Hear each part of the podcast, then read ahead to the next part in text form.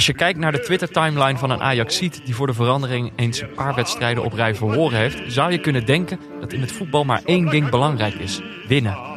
Er zijn vast ook genoeg redenen te bedenken waarom dat zo is. Psychologisch, financieel, maar niet iedereen kan winnen. Sterker nog, voor iedere winnaar is er één verliezer. En aan het einde van de eredivisie is er maar één kampioen. Maar die andere 17 dan? Of al die ploegen in die lagere divisies? Als voetbal alleen draait om winnen, om het winnen van prijzen. Waarom zitten daar bij al die ploegen dan in hemelsnaam nog mensen op de tribunes? Zou het kunnen, misschien, dat er ook nog iets anders belangrijk is?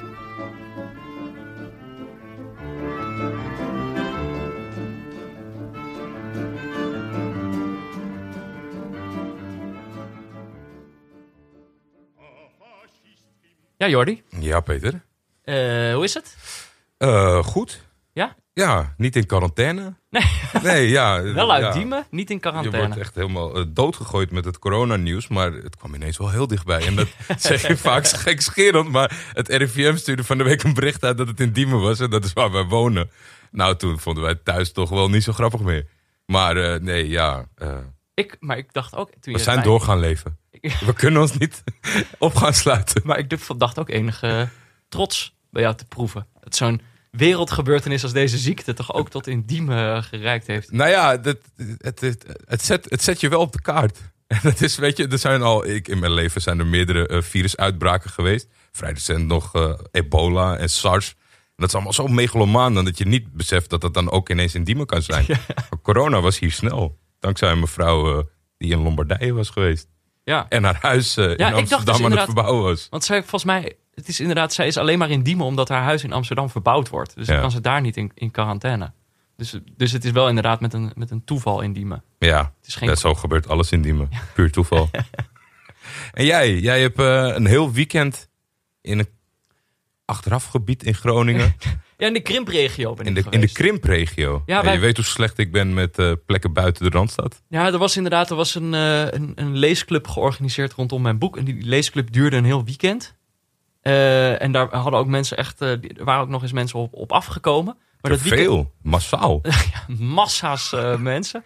Maar dat, dat weekend zelf was eigenlijk al een soort quarantaine. Was in een landhuis in, in Groningen. Ja, Maar goed, dat, kijk, ik heb dus het hele weekend eigenlijk met mensen al mijn boek zitten lezen. En is er al veel over mij gepraat. En met mij gepraat door die mensen. Dus ik zat in de trein terug. Toen dacht ik, ja, morgen gaan we lekker weer over, over voetbal praten. En ik zat precies in de trein. Het was best wel een lange reis. Het zou Mhm. uiteindelijk vier uur in totaal duren. Maar ik wist, ik ben om acht uur thuis. Dan ga ik lekker Ajax aanzetten. Ga ik lekker Ajax kijken. Had ik bedacht. Ik kwam thuis. Het was iets later dan acht uur. Dus die wedstrijd was al bezig. En ik zet het aan. En ik denk serieus, na twee minuten dacht ik, nee, dit ga ik niet kijken. Toen heb ik het meteen weer uitgezet. Ja, ik weet dat jij als het eh, niet allemaal, Kijk ik niet. niet allemaal soepeltjes loopt, hem wel eens uit wil zetten. En dus ik had gisteren vrij rap door dat jij deze wedstrijd niet ging uitzitten. Nee, dan werd inderdaad vier uur naar uitgekeken tijdens die treinreis. En na twee minuten besloten dat ik het niet ging doen. Ah, ook dat is voetbal. Nou, ja, toen heb ik dus de Classico aangezet. En dat was echt zo ongelooflijk saai. Dat was echt niet normaal zo saai. Of misschien was ik gewoon heel moe. Maar die wedstrijd kon mij in ieder geval niet eh, wakker houden. Maar mooie herinnering, Groningen. Prachtig. Voor de rest van je leven. Prachtig. Gelukkig. Ja, dat vergeet ik nooit meer. Trouwens, oh ja, dat vergeet ik bijna te zeggen. Er was één iemand bij die daar min of meer was.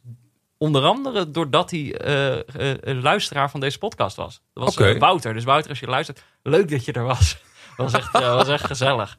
Eh, ik weet niet of hij teleurgesteld was dat jij er niet was. Misschien had hij dat verwacht. Ja, mensen verwachten dat volgens mij overal. Dat waar een van ons twee, ja. Ik heb wel vaker gehoord dat mensen daar kritisch op zijn. Van waar is die andere? Ja, Ja, maar ja we, we leven niet als duo. eh.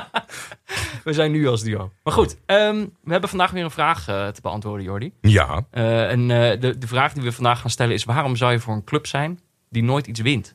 ja. Nou ja, kijk, het gaat niet zo goed met, met Ajax. Nee. Maar ik bedoel, die winnen natuurlijk af en toe nog wel eens iets. Dus toen moesten we andere mensen voor uitnodigen. We hebben twee mensen uitgenodigd. Ja. Wil, wil jij er één introduceren dat ik de andere doe? Eh, ja, dat is goed. Mag, dan mag jij beginnen, mag jij kiezen. Eh een van de twee aanwezigen is Mike Goslinga. Die is redactiechef bij de correspondent. En in het weekend eh, fulltime Spartaan. Of nou ja, dan ben je niet alleen in het weekend. Maar in het weekend ben- je op het kasteel, denk ik. Ja, voorheen was ik ook op vrijdag Sparta supporter helaas. Oh, ja, Tegen wil en ja. dank.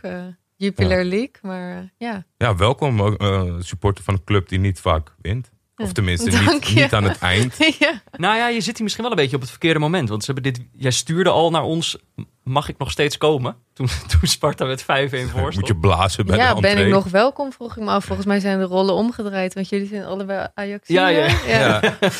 Nou ja, daar, daar komen we gedurende deze podcast dan eh, misschien nog wel achter. Maar dat is wel goed Ja. om te weten dat jij in die, die euforie van deze winst... eh, Ja, misschien deze dat we je weer gewoon even terug kunnen trekken naar de realiteit zometeen. Dan, dat eenmalige succes tegen Emmen, die uit nooit winnen.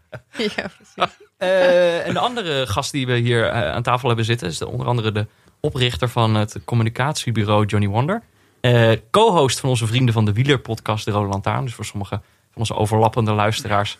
zal het een bekende, bekende stem zijn. De andere host heeft hier ook al een keer gezeten. En dan moeten we alleen Jonne nog, want hier zit namelijk eh, Willem Dudok. En Willem Dudok is namelijk eh, fan van NAC. Ja, zeker. Supporter van NAC. Ja, Of hoe, he- heb je dan ook nog een naam? supporter van NAC. Maar dit is niet een Ajax, je een? Ajax-ziet hebt of een Spartaan. Nee, het is gewoon NAC supporter. Oh ja. Ja. Ja. No nonsense. Nee, ja, precies. Ja. Ja. Die hebben gewoon, jullie hebben dit weekend gewoon wel netjes gewoon 1-1 gelijk Ja, tegen ku- NEC. ja, maar ik snap, ja, net als Mike, ik snap eigenlijk ook niet dat ik ben uitgenodigd voor deze podcast. Want we, we zijn gewoon twee dagen verwijderd van een finale plaats in, eh, voor de beker. Ja, maar je, uiteindelijk, kijk, winnen betekent wel dat je uiteindelijk met dat... eh, met die Met de dennenappel. Precies, Ja. eh, dat je die omhoog houdt. Ja. Eh, en da- daarvoor moet je het nog maar even... Maar het ziet er goed uit. er Kijk even wie jullie al eh, gepasseerd zijn. Ja, PSV, AZ, Ja. allemaal al gehad. Ja, maar daarom dachten we ook, die podcast moet nu nog even... Ja, nee, dat is waar. Ja, ja. Nee, na donderdag ziet het leven voor de, NAC-supporter er heel anders Ja, uit. En in de competitie, ik bedoel, die, die, eh, de keukenkampioen-divisie, daar, daar, daar gaat NAC geen kampioen meer worden, Nee, toch? maar dat is natuurlijk ook gewoon bijzaak. Oké. NAC's Cupfighter. Oké, nou, dat is goed om te weten. Gaan straks even wat we altijd doen aan het begin van de podcast. Willen even de, de temperatuur eh, opnemen bij onze gasten aan tafel. Daarom willen we van jullie weten wat jullie heeft bezig gehouden dit afgelopen voetbalweekend. Maaike, wat heeft jou bezig gehouden dit weekend? Ja, natuurlijk de 5-1 tegen Angstgekner FCM. Angstgekner? Ja, echt Angstgekner, want wij zijn een keer eh, gedegradeerd tegen Emmen. Oh. En dus dat voelde heel goed nu. Dat, jij zat in het stadion bij deze wedstrijd? Oh, het, het is zelfs dubbel Ja, inderdaad. Ik zat te denken, want Emmen promoveerde tegen jullie. Maar jullie degradeerden natuurlijk. Dat was de Precies. laatste ronde. Ja, inderdaad. Met dezelfde trainer ook. Ja. Lukien. Dus eh, ik was er wel bang voor. Ik had wel verwacht dat Sparta ging verliezen. Ja. Want eh, als je fan bent van een club die soms verliest, zoals Sparta, dan denk je ook dat dit een reëel scenario is. Maar, de, Maar ja, proefde je de 5-1. ge- van tevoren gevoelens van wraak? Was dat een beetje wat er... Was dit, werd het zo hoog opgevoerd? Zo van, we moeten weer tegen Emmen? Een ja, mini, mini-classico. Ja, mini-classico inderdaad. ja. En eh, nou ja, Sparta speelde best prima. En het ging allemaal goed. En ik keek eindelijk eens naar een leuke wedstrijd. Dat is ook niet altijd geweest dit seizoen. Dus eh, ja, was tevreden. En gewoon, eh, ze staan nu elfde op de, op de ranglijst, toch? Elfde? Ja, want het risico was als Sparta zou verliezen... dan zou, zouden ze weer heel dicht bij die plek 17 en 18 staan. Of 16, dat is na competitie. Mhm. Dus eh, ja, Ook gewoon 35 punten, toch? Zoiets? Eh, redelijk Sparta heeft nu 33 punten, maar die hadden dus wel aardig dichtbij Emmen Ja. en al die andere clubs die zo laag de, staan. de, de ene, de, de, er is een plekje bijgekomen natuurlijk in die degradatiestrijd. Ja. Oh, en, ja. en de bovenste positie, de laatste die niet meer veilig is, die, die is wel redelijk druk met clubs die allemaal niet zo lekker in vorm zijn. Maar ik herken het dus heel erg. Want ik was dus in de, in de periode dat NAC nog in de Eredivisie speelde... had ik altijd een soort de magische grens... ongeveer 33 à 35 punten wat je moet halen om veilig te zijn. ja. En dat, was, dat duurde bij NAC altijd heel lang voordat we daar, heel lang voordat- voordat we daar waren. Dus ik zat het ra- ranglijstje te kijken. Ik dacht, ik was eigenlijk blij voor je. Want ik dacht, eigenlijk ben je daar al... Je hebt nog zes wedstrijden of zo. Hoeveel wedstrijden is het nog? Misschien nog wel ja, meer. ja, meer. Best wel veel Ja, om nog ja, drie punten te halen en veilig Ja, te zijn. zeker. Maar het gaat goed met Sparta. En Sparta kan zelfs voor Europees voetbal gaan dit seizoen. Oh ja, we hoeven niet omlaag Dus te eh, kijken. nee, we hoeven zeker niet omlaag te kijken. Maar de, de euforie was ook groot eh na die wedstrijd. Ja, het was echt een opluchting, zeker. Ja. Oké. Willem, wat heeft jou bezig gehouden dit, eh, dit, dit weekend? Ja, het was natuurlijk voor, ik ben natuurlijk, je zei het al, van de Rode Lantaarn. Dus dit weekend was het openingsweekend van, de Vlaam, van het Vlaamse wielerseizoen. Met de Mhm. omloop het volk. Dus ik heb vooral heel veel fietsen gekeken dit weekend. Ja. En iets minder voetbal. is dat anders, fietsen kijken, dan voetbal kijken? Of zijn dat vergelijkbare dingen in jouw leven? Ja, fietsen kijken is natuurlijk wel heel anders, omdat het veel langer duurt. Dus zeg maar, je, je zit gewoon uren achter de televisie. Ja, Wedstrijd. je kijkt dat van begin tot eind? Ja, als, Alleen als al- het even kan wel, ja. Ja. Maar ik doe het ook rustig een dutje tussendoor. Precies, ik wou net zeggen, jij Ja. hebt in de podcast ooit verteld, het toerdutje is iets waar jij naar uitkijkt. Ja, ja en het, ja, het, het koersdutje ook al zelfs. Dus dit, dit is bijvoorbeeld, dit was dus een wedstrijd waar, je al, waar ik echt al maanden naar uitkeek dat hij weer was. En, eh, of een koers waar ik al maanden naar uitkeek. En dan nog krijg ik het voor elkaar om gewoon na een half uur in slaap te vallen. Tevreden. en na een half uur wakker te worden en wel go- de goede momenten mee te pakken. Ja, dus eh, we- we weten dat we zitten hier met, een, eh, met weer een tevreden Willem dat het koersseizoen weer is, eh, is Ja. geopend. Ja, zeker. En verder was ik heel erg aan het balen dat eh, NAC, een NEC NAC niet live werd uitgezonden op Fox. Ja, dat is Dat natuurlijk is nog een bijkomend probleem. Ja, Zo'n bizar schakelprogramma krijgen. Nee, ja. Ja, En dan zit je in zo'n, beland in zo'n schakelprogramma waar je echt horendol van wordt. En, eh, maar je ziet gewoon letterlijk niks. Dus eigenlijk Nee. de enige optie voor, voor de, de clubs om, om naar het stadion te gaan. Want met dat, Ja. dat schakelkanaal is voor de neutrale kijker fantastisch. Want je gaat van hot naar her en je ziet allerlei leuke en mooie momenten voorbij komen. ja, maar voor iemand die gewoon NAC wil Die volgen. nak wil, ja, dat, dat, gaat, dat gaat niet. eh. Meestal kiezen ze er tegenwoordig wel één, toch? Ja, maar Eentje die te zien Maar niet is. vaak NAC. Nee? nee. dat is bijzonder. Want het is natuurlijk wel eh achterbanwijs. Maar ja, die zitten ook daadwerkelijk in het stadion. Dus Precies, ja, misschien ja. is dat het wel. Ja. Laatst eh, Thomas Hogeling, vriend van de show, die inderdaad over NEC ditzelfde probleem vertelde. Van, ja, Ja. Die wedstrijden worden niet uitgezonden. Dat hij zei, ja, ga ik maar een keer naar het stadion. Dat hij toen onderweg naar het stadion erachter kwam dat de wedstrijd wel werd uitgezonden. en dat op de terugweg ook nog pech gehad met de trein, waardoor hij pas midden in de nacht ergens weer thuis was. Oh ja. Maar ja, dat is inderdaad... eh, Het wordt niet echt bombastisch geadverteerd van dit weekend hebben we NEC Topos, jongens, live. nee, blijkbaar niet. Jordi, wat heeft jou bezig gehouden? Eh, ik, ik heb het vermoeden dat wij misschien een beetje in dezelfde hoek zitten, of niet? Want, eh, eh, Ja, nou, dat weet ik niet. nou, dat weet, weet ik ook niet. Had, jij, had het van jou met Duitsland te maken? Ja, ja, ja. Ja, Dietmar Hop. ja. Eh, en ik moet eigenlijk ook zeggen, eh, ik begreep het nog niet helemaal. Dus ik moest me er ook even, ik wist niet per se wie hij was. Oh, even voor de duidelijkheid wat er gebeurde. Ja, Eh, dit, Hoffenheim, Bayern München. ja, Bayern München was, was Hoffenheim compleet aan het slachten. Het stond 6-0. Ja, ze hebben iets nieuws bedacht. Het is dat je gewoon in het begin heel hard je best doet. En dan staat 3-0 en dan heb je geen enkele tegenstander meer zin. Dat werkt nu al een- een paar weken Ja. achter elkaar goed. En het stond binnen mum van tijd stond 6-0. Of Ja. 0-6. 0-6, ja. En toen, eh, toen gingen er, rolden er een paar spandoeken open op de, op de tribune. Waarop eh, eigenaar van Hoffenheim, Dietmar Hop, Ja. voor, voor verschillende dingen werd uitgemaakt. Hoerenzoon. Hoerenzoon. Het is, een, het is ook een, het is een Duitse zakenman. De, de man die uiteindelijk Hoffenheim uit de, de kelder van de Duitse voetbal met heel veel geld. Eh, Terwijl er niet echt iemand op zat te wachten. Alleen hij wilde dat graag. Ja. Nu ben ik heel benieuwd wat hoerenzoon in het Duits is. Hoerenzoon. Oh. ja? Ja, hoe je, hoe je het slecht zou Weinig vertalen. spectaculaire vertaling. Ja, ja, nee. Dat, ja, dat Ja. was er redelijk recht toe recht aan. En het is ook een beetje. eh, eh, hij heeft ook eh, een foute vader. Eh, dus de, de- hij heeft Behoorlijk. een behoorlijk foute vader. Dus hij, status is voor hem een belangrijk ding. En eh, Hoffenheim is een van de dingen waarmee hij zichzelf status geeft. Omdat die club eh, groot is geworden door zijn geld. En hij heeft dus het kleine Hoffenheim, een club naar de Ja, Bundesliga. alsof je de arena Ja. zou bouwen naast het, het, het huis waar jij was dit weekend. Maar, Zeg maar zo, want Hoffenheim is heel, klein. Ja, maar wat er uiteindelijk dus eh, gebeurt, is die, die spandoeken gaan open. Er zijn, eh, van, er zijn eh, eh, spreekkoren tegen deze Dietmar Hop. En op dat moment, eh, eh, weet je, wel, de scheidsbesluit na 75 minuten voetbal, geloof ik, besluit hij om eh, de wedstrijd stil te leggen. Dus eh, de spelers gaan allemaal naar binnen.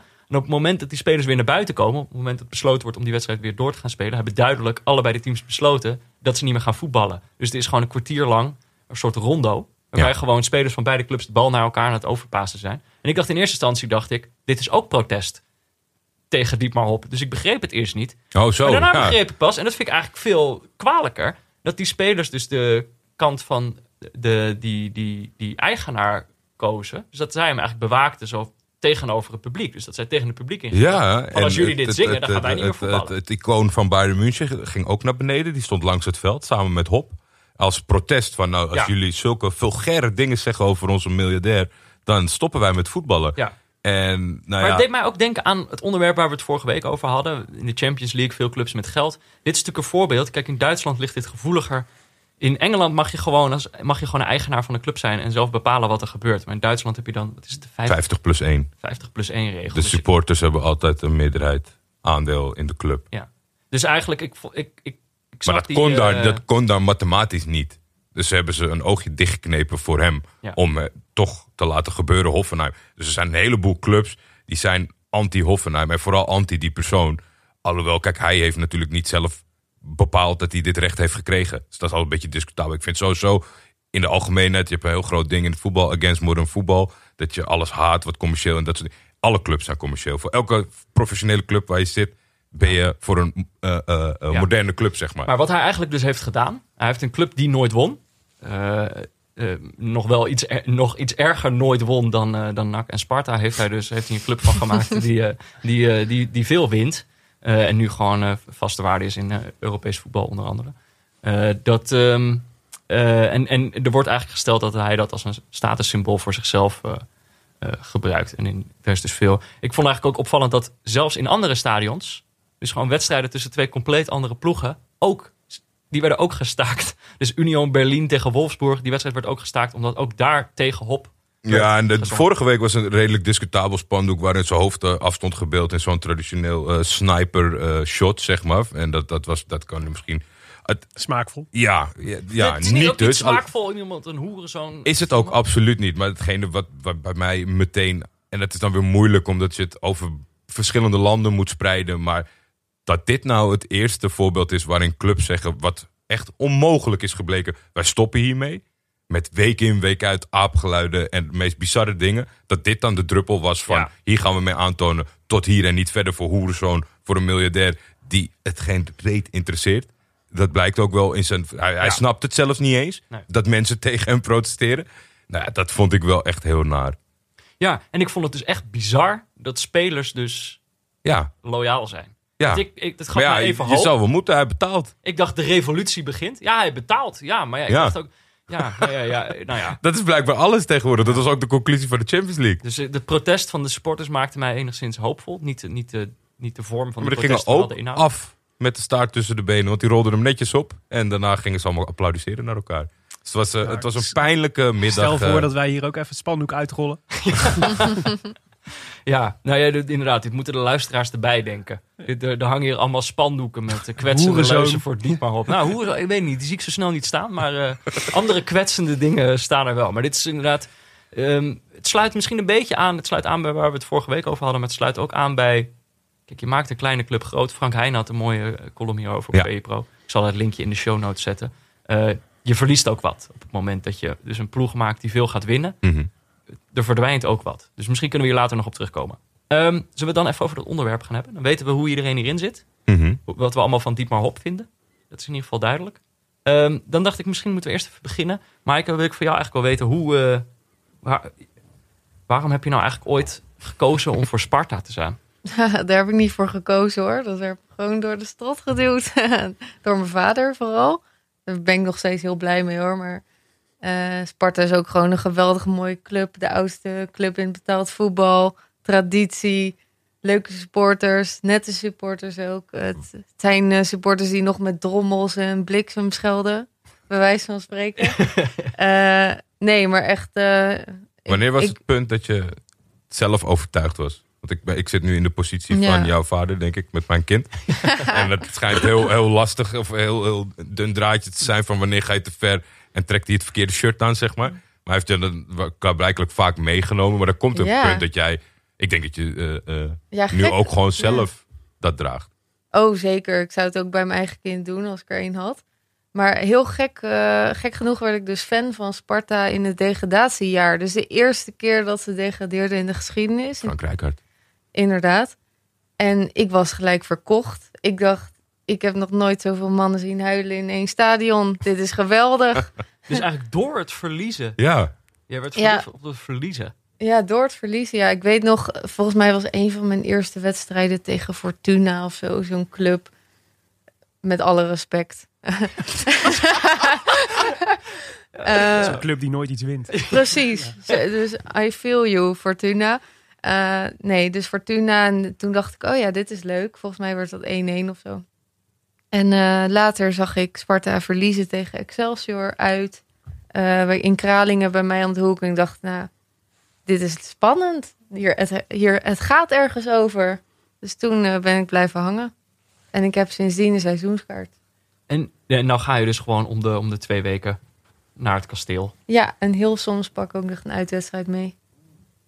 En, maar jouw vader heeft het dus aan jou gegeven. Van wie heeft, van wie heeft hij, het dan? hij het dan? Ik wil toch even weten waar dat zaadje uiteindelijk... Ja, hij is ook als klein kind naar het stadion gegaan, naar het kasteel met een vlag. En toen waren er nog staattribunes en zo. Dus- Was hij ook door zijn... ja, vader? door zijn vader, ja. Ook, ook een Rotterdammer. Dus eh, dat wordt toch altijd zo doorgegeven op een Hm. of andere manier. Oké, hoe zit dat bij jou, Willem? Is dat ook eh Ja, wel door een je beetje strot geduwd? Nou, nee, viel, dat viel wel mee eigenlijk. In ieder geval niet op mijn vader. Die was voor Willem II. Hmm. Wat ik nooit begrepen heb. Zie je. Jordi, Kijk, ja, maar dit is, dit is de, ja, maar dit, ik Ja. krijg koud zweet. Ja, ja. ja, ik heb nu ook een zoon en dit is echt, ik vind dat ook heel spannend. Ja. Maar nee, maar- nee, maar die was ook niet per se heel openlijk voor Willem II. Dus dat was niet, was niet dat hij dat door mijn strot probeerde te duwen en dat ik daardoor voor nak werd. Maar ehm, mijn oom was een, eh, was een eh, vrij fanatieke nou, ja, nak supporter. Hij ging in ieder geval altijd. En, eh, en ik en mijn neefjes mochten, altijd, mochten dan altijd mee. Dus dan laden we de, de Opel Kadett vol met neefjes. En dan gingen we vanuit Maden, wat eh, ongeveer eh, 15 kilometer van het stadion ligt, naar Breda. Om eh, naar NAC te kijken. En, eh, en de eerste keer dat ik mee mocht, wonnen we met 8-0 van eh FCM. Zo, Ja, toen nog heel zie je, het slecht. stelt Ja, helemaal niks voor. Die stelt niks 5-1 voor. overwinning. En, eh, en de tweede keer met 5-0 van Go Ahead Eagles. En toen was ik een soort mascotte geworden. Toen moest ik mee, omdat, eh, omdat ze dachten dat het geluk zou brengen. En toen, eh, ja, langzaam is de liefde ontstaan. Toen kreeg ik mijn eerste seizoenkaart inderdaad van mijn ouders. Die dan, en dan mocht ik gewoon met mijn oom mee. Dat waren nog seizoenkaarten van papier, waar ze dan zo'n Ja. knipje in zetten. Knipje. Ja, ja echt back in the days. Maar ehm, ja, zo is het ontstaan. En, en eh, ehm, ook zeg maar nadat ik, ben, ik heb in- Nijmegen gewoond en toen in, inmiddels in Amsterdam. En dat is, ja, het is nooit meer overgegaan. Het is gewoon de, de eerste liefde. Maar ik heb me wel eh, door iemand, ik zal geen namen noemen, laten vertellen dat jij eigenlijk heel slecht tegen je verlies kan. Dat klopt. ja, dat klopt. Maar gek genoeg, ja, maar dat is meer mijn eigen slechte verlies. club eh, gekozen. Nee, dat valt wel mee. Bij NAC heb ik daar wel iets minder last van, moet ik zeggen. Ja, het, is, het gaat meer over verlies waar ik zelf een aandeel in heb. Ah. En bij NAC is dat niet zo. Nee, sterker nog, ik vind juist een van de voordelen van, van, van NAC-supporter zijn... en dat is misschien voor Sparta, Spartanen zullen dat wel herkennen... het zijn eigenlijk hele fijne clubs om, om fan van te zijn... want je verwachtingen zijn nooit zo hoog. Dus, dus, dus het valt eigenlijk altijd mee. Dus je, volgens mij, bijvoorbeeld Ajax en Feyenoord... zijn veel slechtere clubs om, om eh, geboren fan van te zijn. Met name Feyenoord, omdat volgens mij de gemiddelde Feyenoord heeft een soort mentaal beeld van eh, de club als eh, eigenlijk zeg maar de wereldkampioen die dat eigenlijk al een tijdje niet meer is, zeg maar, maar eigenlijk wel op dat niveau hoort, waardoor Ja. eigenlijk alles een tegenvaller is. Ja. Als je wint, zelfs als je wint is eigenlijk niet genoeg. Bij Ajax zie je natuurlijk precies hetzelfde en die zitten dan nog, misschien nog iets dichterbij. Maar bij NAC is eigenlijk elke overwinning mooi meegenomen.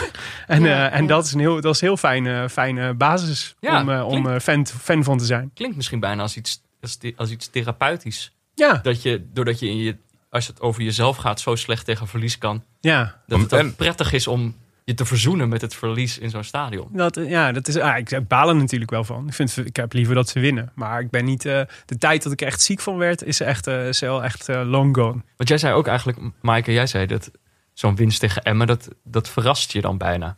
Dat is ook leuker dan dat je denkt, ja, Emmen die pakken we wel even. En dat dat dan ook gebeurt. Ja, maar dat denk ik wel bij elke wedstrijd van oei, dit wordt moeilijk. En dan kan je er duizend redenen bij verzinnen. Maar als je dan wint, dan is het extra fijn. En is het altijd leuk. Ja, Ik kan me ook tegen voorstellen, wie ik, dan ook. ik heb een paar keer in het stadion bij Sparta gezeten. En dat dan soms, eh, na, na een paar minuten zeggen de mensen om je heen dan al, nee, Wordt Wo- niks. Wordt en dan zijn ze eigenlijk op dat moment al, hebben ze zich al verzoend met het. eh, Ja, ik vind het wel grappig dat jullie dat dan niet hebben. Hebben jullie dat nooit? Dat je denkt, ik zet dan dus de tv uit.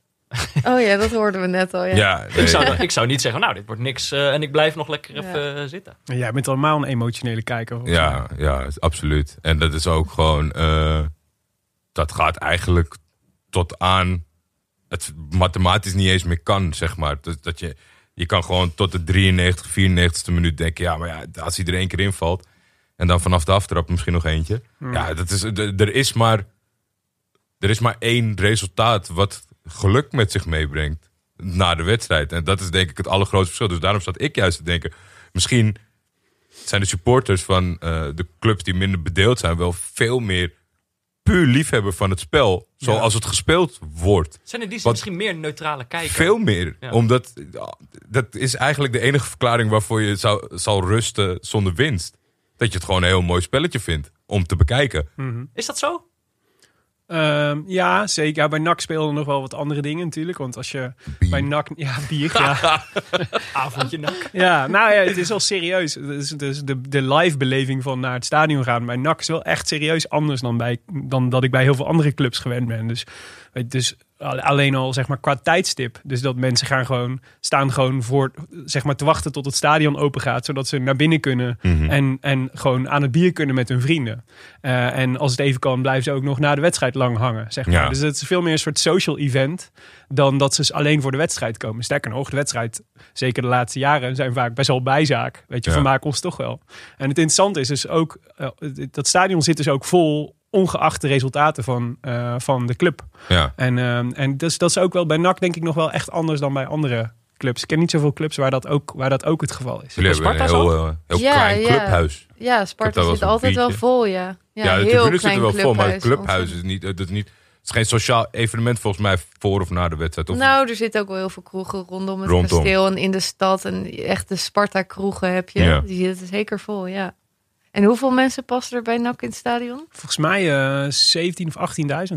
Oh, dat is echt eh, En, eh, veel. en ze verkopen gewoon eh, Ja. nog steeds elke wedstrijd zo'n beetje uit. Hm. Elke twee weken. En dat is bij, volgens mij, ik, hoor, ik zag net zo'n staartje, ik zat nog even op te zoeken. Want ze, inderdaad, ze verkopen dus bijna altijd uit. En, eh, maar bij bijvoorbeeld Vitesse PSV trekt minder supporters dan, eh, weet ik veel, een willekeurige wedstrijd van NAC Vitesse de- aankomen zetten is wel de- vals in de spelen. keukenkampioen-divisie. Alleen, ja, alleen omdat Ja. ze ook gele shirts hebben.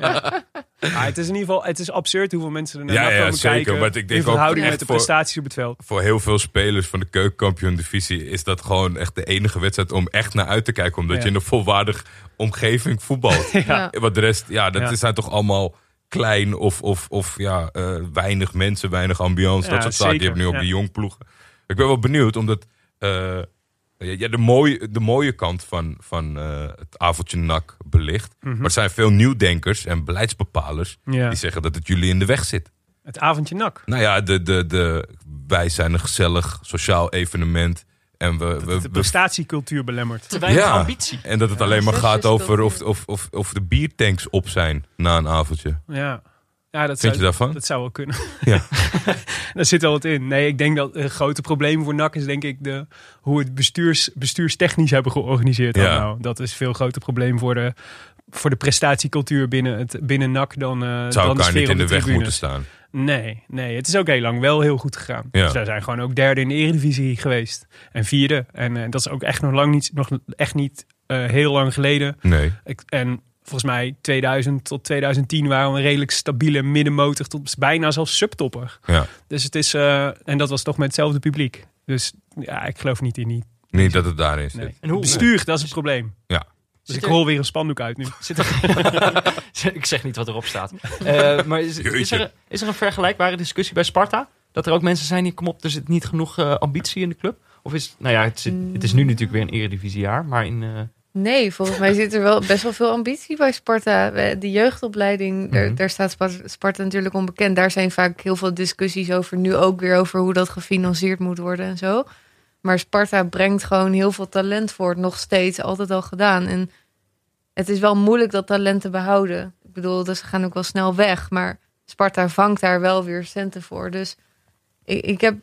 Nee, ik heb niet het idee dat het ontbreekt aan ambitie. En jouw vader, die al, al, al veel langer gaat, is dat niet meer, zou die niet een beetje, zit hij niet soms ontzettend te, te zeiken op de club? Of is die gewoon, eh, Nee, dat is best wel eh positief eh, glas half vol. Ik ook eigenlijk. hm. En dat is dat, dat geldt voor heel Sparta? Is dat een glas half vol publiek? Ja, eigenlijk wel, ja. ja.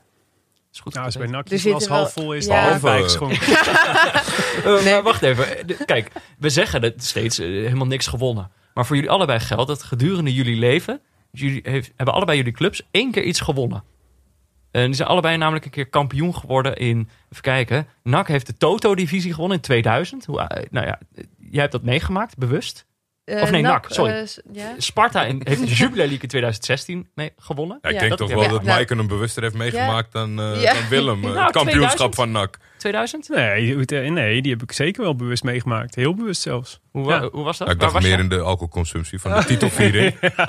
Ja. Hoe, hoe Nee, was dat Waar was je? Ehm, Hoe voelde het om een keer iets te winnen? Ja, nee, dat was wel, dat was wel hartstikke mooi natuurlijk. Maar ehm, eh, volgens mij was ik toen... God, ik was niet op de Grote Markt toen. Dat vond ik achteraf wel echt heel jammer. Dat was, dat was de plek waar het gevierd wordt, bij NAC. Mhm. Dat is onze single zeg maar. Mhm. En ehm, eh, ja, nee, ik, ja, ik herinner me nog wel dat dat een bijzondere gebeurtenis was. Ja. Is het nog anders om, om die titel te winnen ten opzichte van dat je promoveert via Ja. een andere weg? Want ik weet dat de, de feesten bij de laatste promo waren ook super uitbundig. Ja, gek genoeg staat er niet zo heel veel verschil tussen. Nee, toch? Nee. Volgens mij is dat is wel lekker dat je het ook je kansen Ja. een beetje kan spreiden. Ook wel omdat Ja. dat, dat toen we dus kampioen werden, nou weet ik het eigenlijk weer. Dus toen we kampioen werden van de eerste divisie, toen was het eigenlijk wel een soort van bloody obvious dat we, dat we wel weer zouden promoveren. Ja. En, eh, en dan is gewoon kampioen. Dan, je- het is logisch dat we toen eerste werden, want we hadden toen gewoon by far de beste selectie. Dus het was ook gewoon adelverplicht, zeg maar. Dus het Ja. voelde niet als een, als een, eh, als een eh, grote opluchting of een feest na een Dus lange crisis. Kunnen je wel als topclub supporter gedragen? Want dat is wel een beetje de instelling van, kijk, wij waren by Ja, far het de was wel- beste. het was wel Natuurlijk gewoon, komen we het was mee fe- Het was wel gewoon het was wel gewoon feest hoor. Ja. ja. En was maar- het? ja. Oh, Maar dan onver- onverwacht was mooier. Dus zeg maar Ja. via de play-off, omdat je toen eigenlijk niet echt rekening mee had. Ja, Ja. dat was veel mooier Ja. eigenlijk, vond ik. En, maar dat is misschien in bredere zin. Ik bedoel, als je, als je club niet zoveel wint, dan is, dan is op het moment dat je dan iets wint, is dan toch ook de vreugde groter. Dat is ook een soort onverwacht. Of zo. Ja, ja, ja, zeker. Ja, ja, nou, nu bijvoorbeeld. Ik was wel dus bij AZ eh NAC, dat we de halve finale van de beker haalden. Nou, dat vond ik ook al, dat was echt al euforisch. Maar dat was echt eh, inderdaad na een seizoen, eh, waar, en meerdere seizoenen met alleen maar ellende eigenlijk. En heel weinig hoogtepuntjes. Was dit soort de eerste keer, de eerste stroham die ons soort van deed vermoeden dat er misschien iets moois in, Ja. de- in het verschiet lag. Ja. Nou, dat was echt, dat was echt een bizar feest. En Maaike, waar was jij in 2016? Toen Sparta de Jupiler League eh, won. Ja, dat was vrij bizar, want het was thuis tegen Jong Ajax. Dus die hebben geen uitpubliek. Dus dat hele stadion zat alleen maar vol met Sparta-supporters.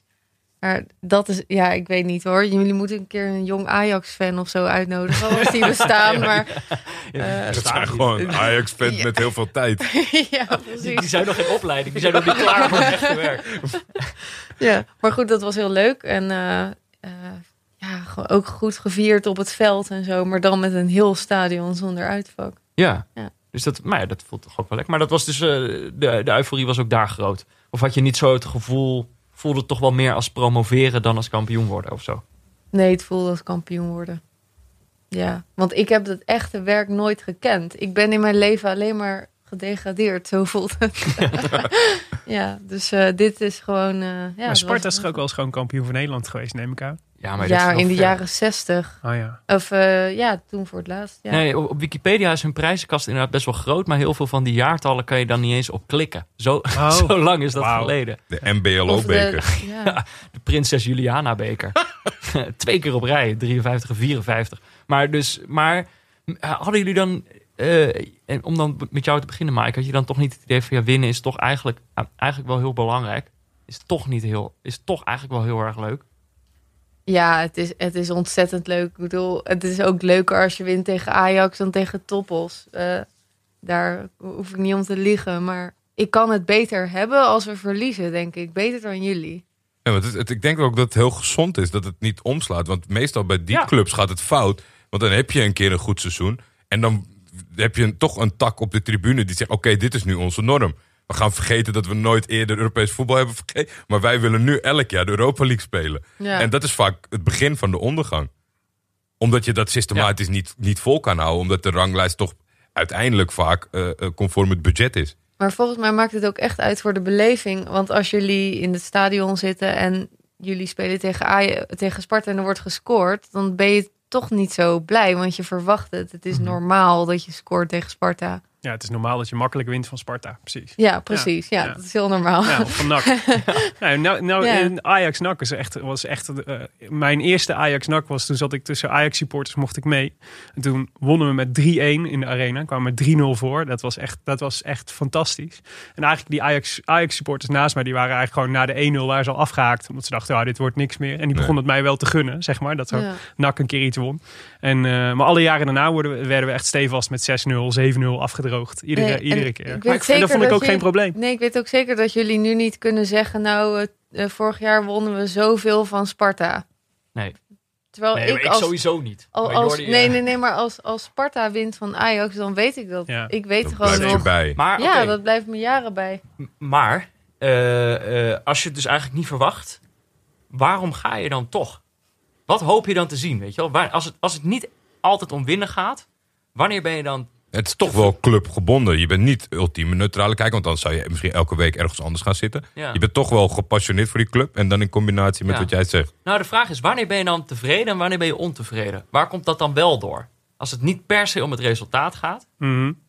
Nou ja, het is natuurlijk sowieso gezellig.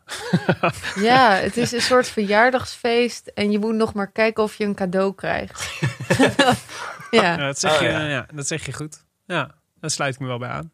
Want het het, is is, ook- altijd leuk om te gaan. En het is ook altijd, het is altijd wel de soort van de glimmer van hoop of zo, die er altijd nog, die er altijd wel is. Dus er is altijd, ligt, al- ook bij NAC, ligt altijd wel, de stunt ligt altijd wel op de loer ergens. Dus je weet dat ze het kunnen. Je weet dat ze een keer, dat ze een keer kunnen uithalen en Feyenoord kunnen verslaan, of Ajax kunnen verslaan, of eh, AZ in de, in de kwartfinale van de beker kunnen verslaan. Dat is altijd wel nog een, dat kleine beetje hoop. En dat is eigenlijk altijd al een soort van voldoende om het vuurtje te doen branden.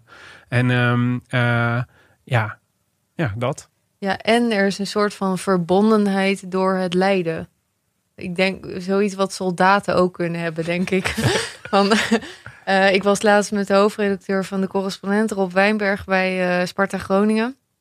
Nou, ik was ook al met hem meegeweest naar Groningen. Verschrikkelijke wedstrijd. Sparta verloor.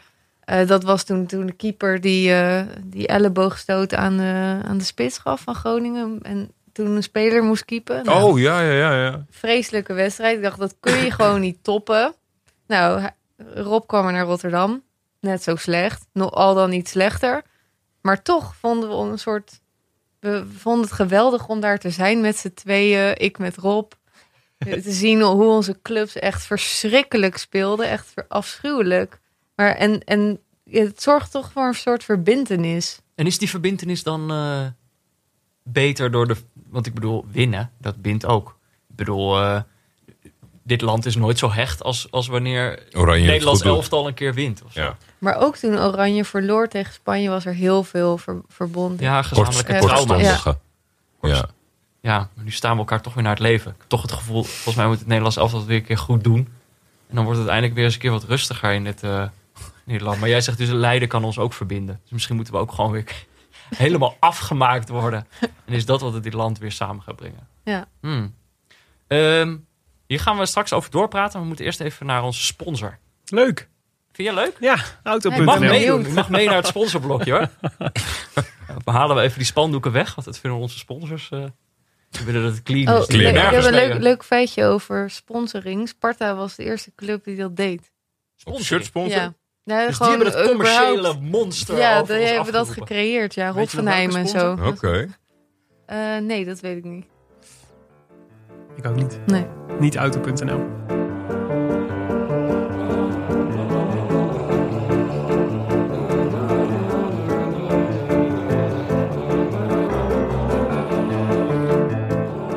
Ja, ook deze aflevering van Neutrale Kijkers wordt natuurlijk weer mede mogelijk gemaakt door eh, Auto.nl. De website waar je gewoon online een auto kan kopen. Heb je hier ooit van gehoord, Mike? Online auto? Eh, online een auto kopen, hoe Ja. doe je dat dan? Nou ja, Ja, Goeie van- vraag, Mike. Eh Jordi, jij kent de website uit je hoofd. Wat is het ook Je gaat naar www.auto.nl. Mhm. En dan, eh, of je weet al waar je nou op zoek bent, of je gaat lekker draaien aan de filtertjes die aanwezig zijn op de site. En waarschijnlijk heb je iets voor ogen. Misschien in het assortiment wissel je daar nog. Dan kan je hem kopen, private leasen. Alles is mogelijk. Maar het ding is dus, iemand komt hem bij je thuis brengen. Ze proberen het echt zo te doen als... als Pizza. als je online, ja, als een pizza of eh, Ja. dat je online schoenen eh, bestelt. En dan komen ze gewoon, ze komen dat gewoon naar je toe brengen. Onderweg FaceTime Er team. komt een mannetje, komt naar je toe rijden. En eh, we weten eigenlijk nog Ja, steeds niet hoe die thuis hoe komt? dat mannetje weer thuis komt, weten we niet.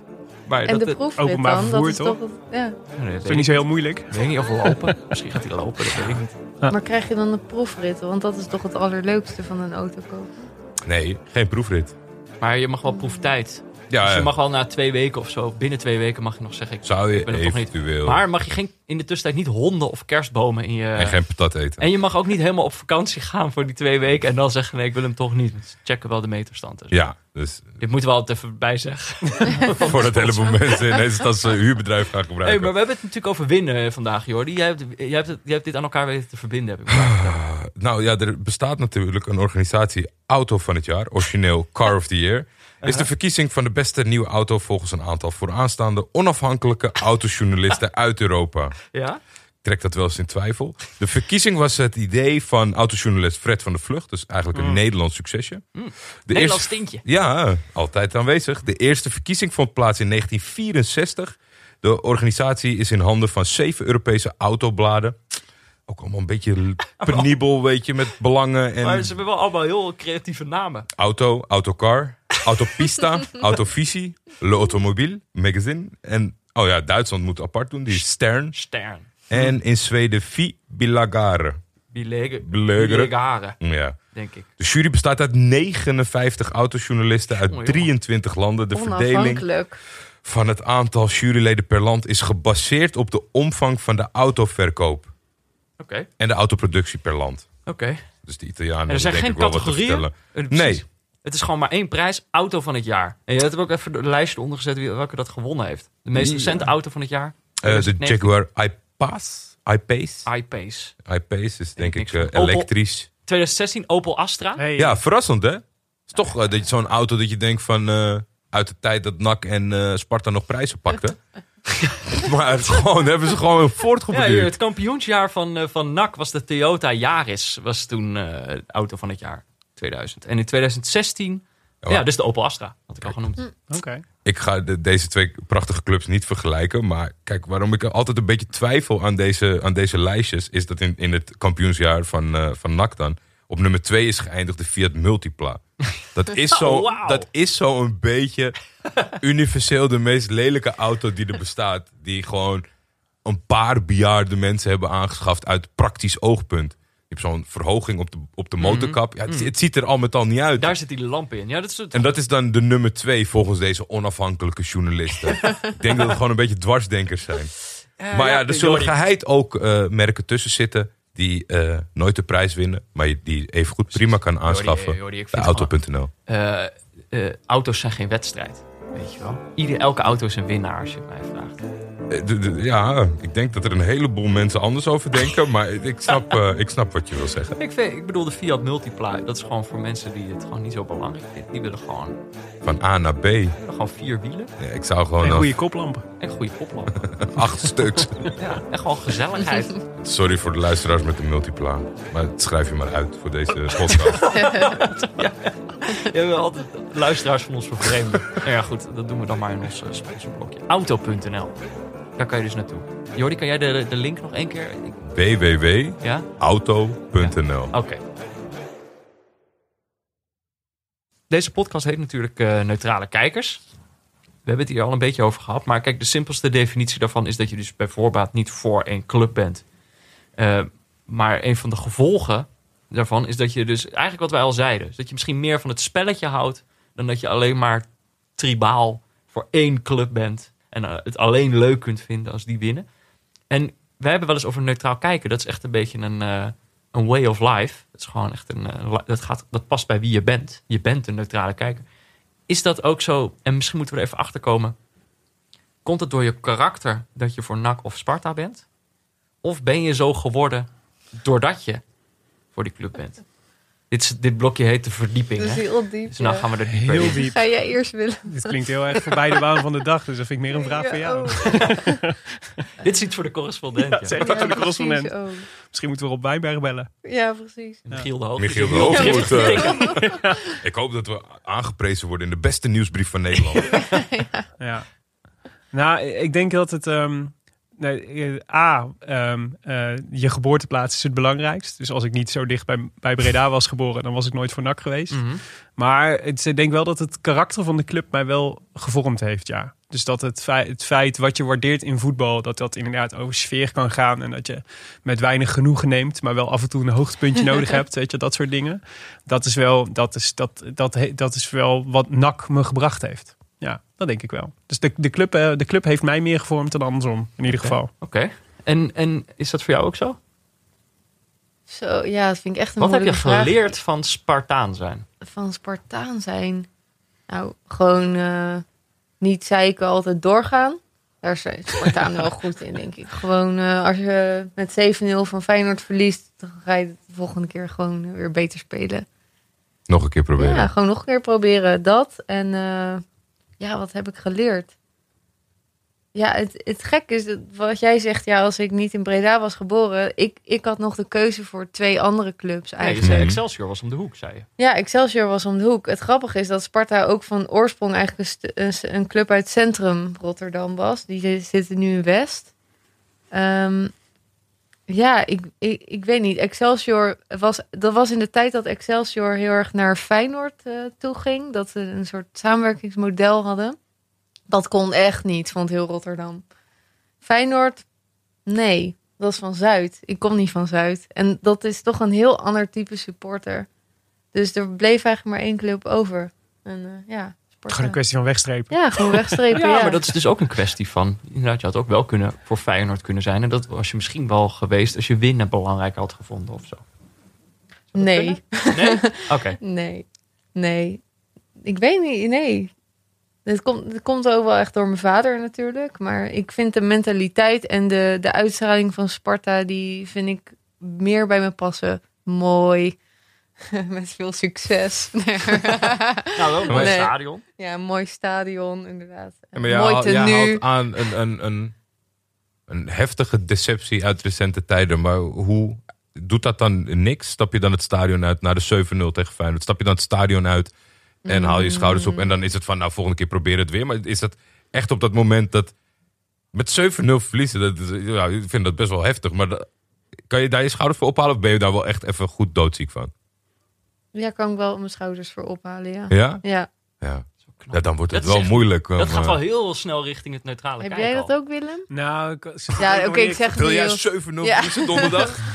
Nee, maar... Liever ja. niet. Maar ehm, nee, dus ik zat te denken, wanneer ben ik voor het laatst, was ik voor het laatst echt, echt, echt verdrietig of boos over NAC. Dat was denk ik wel in het, eh, het laatste seizoen dat ze degradeerden uit de eredivisie. Toen, maar toen was het echt het hele seizoen super slecht. En toen zag je eigenlijk de degradatie van mijlenver aankomen. Maar toch, toen het eenmaal zover was, voelde het echt als een dreun. Omdat ik ook, ik vind dat NAC in de eredivisie hoort, namelijk. Ja. En eh, dus dat voelde wel echt als soort van, dat dat was echt door de, ver door de ondergrens. En toen voelde ik wel woede en boosheid.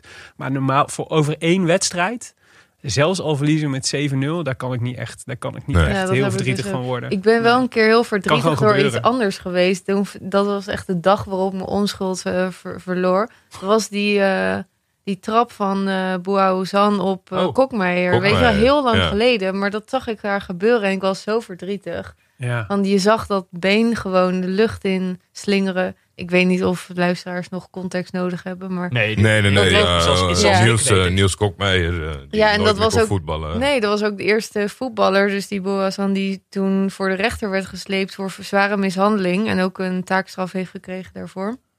Het was moeilijk, ik vind moeilijk dat te ook- verantwoorden dat het in een duel was gebeurd. Ja, Ja. Ik, vond, ik vind dat ook wel heel sneu voor die jongen natuurlijk, voor Boazan. Ik denk niet dat het met opzet is.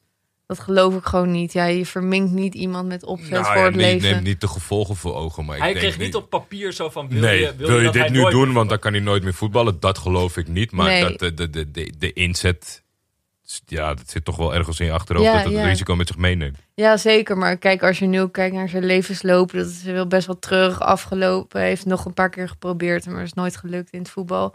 Maar goed, daar werd ik wel verdrietig van. Ik schaamde me er toen echt voor om Spartaan te zijn. En Ja. die wedstrijden, die plaats je dan opeens een beetje in perspectief of Hm. zo. Maar ik zit toch even te denken. Kijk, je houdt 7-0 verliezen, dat kan. Maar, dus, je, maar dan vind je misschien het resultaat is dan niet het allerbelangrijkste. Maar dus bij zoiets dan, eh, dan ben je misschien... eh, dat, dat, Ja, ik denk dat meer de manier waarop. Dus toen zat ik wel echt tot het eind. Er was niet eens blessuretijd, omdat die scheids ook dacht: dan laat ik ze maar uit hun leden verlossen. Maar eh, ja, dat was dus eh 7-0 of 0-7 voor Feyenoord tegen Sparta met Alex Pastoor.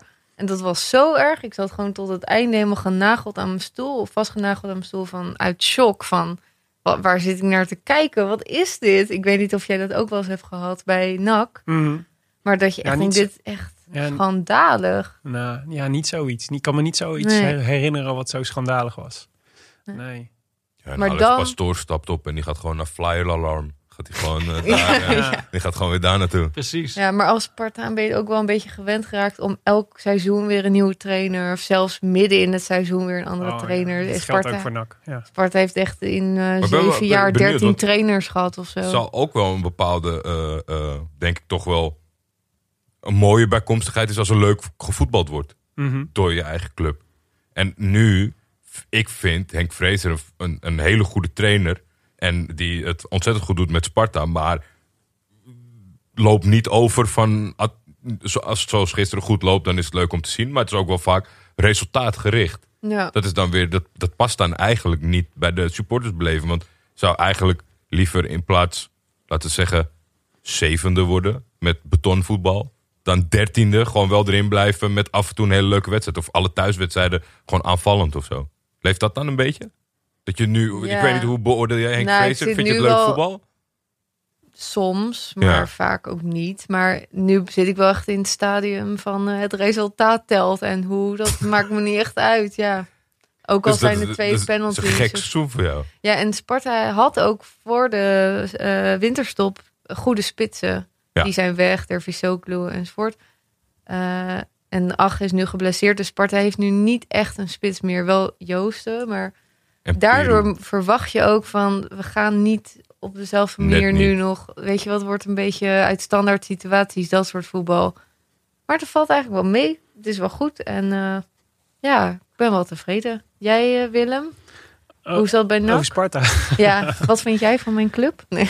Eh, nou, ik vind dat jullie schitterende shirts hebben sowieso. Dat wel. Ehm, NAC en Sparta zijn ook vrienden.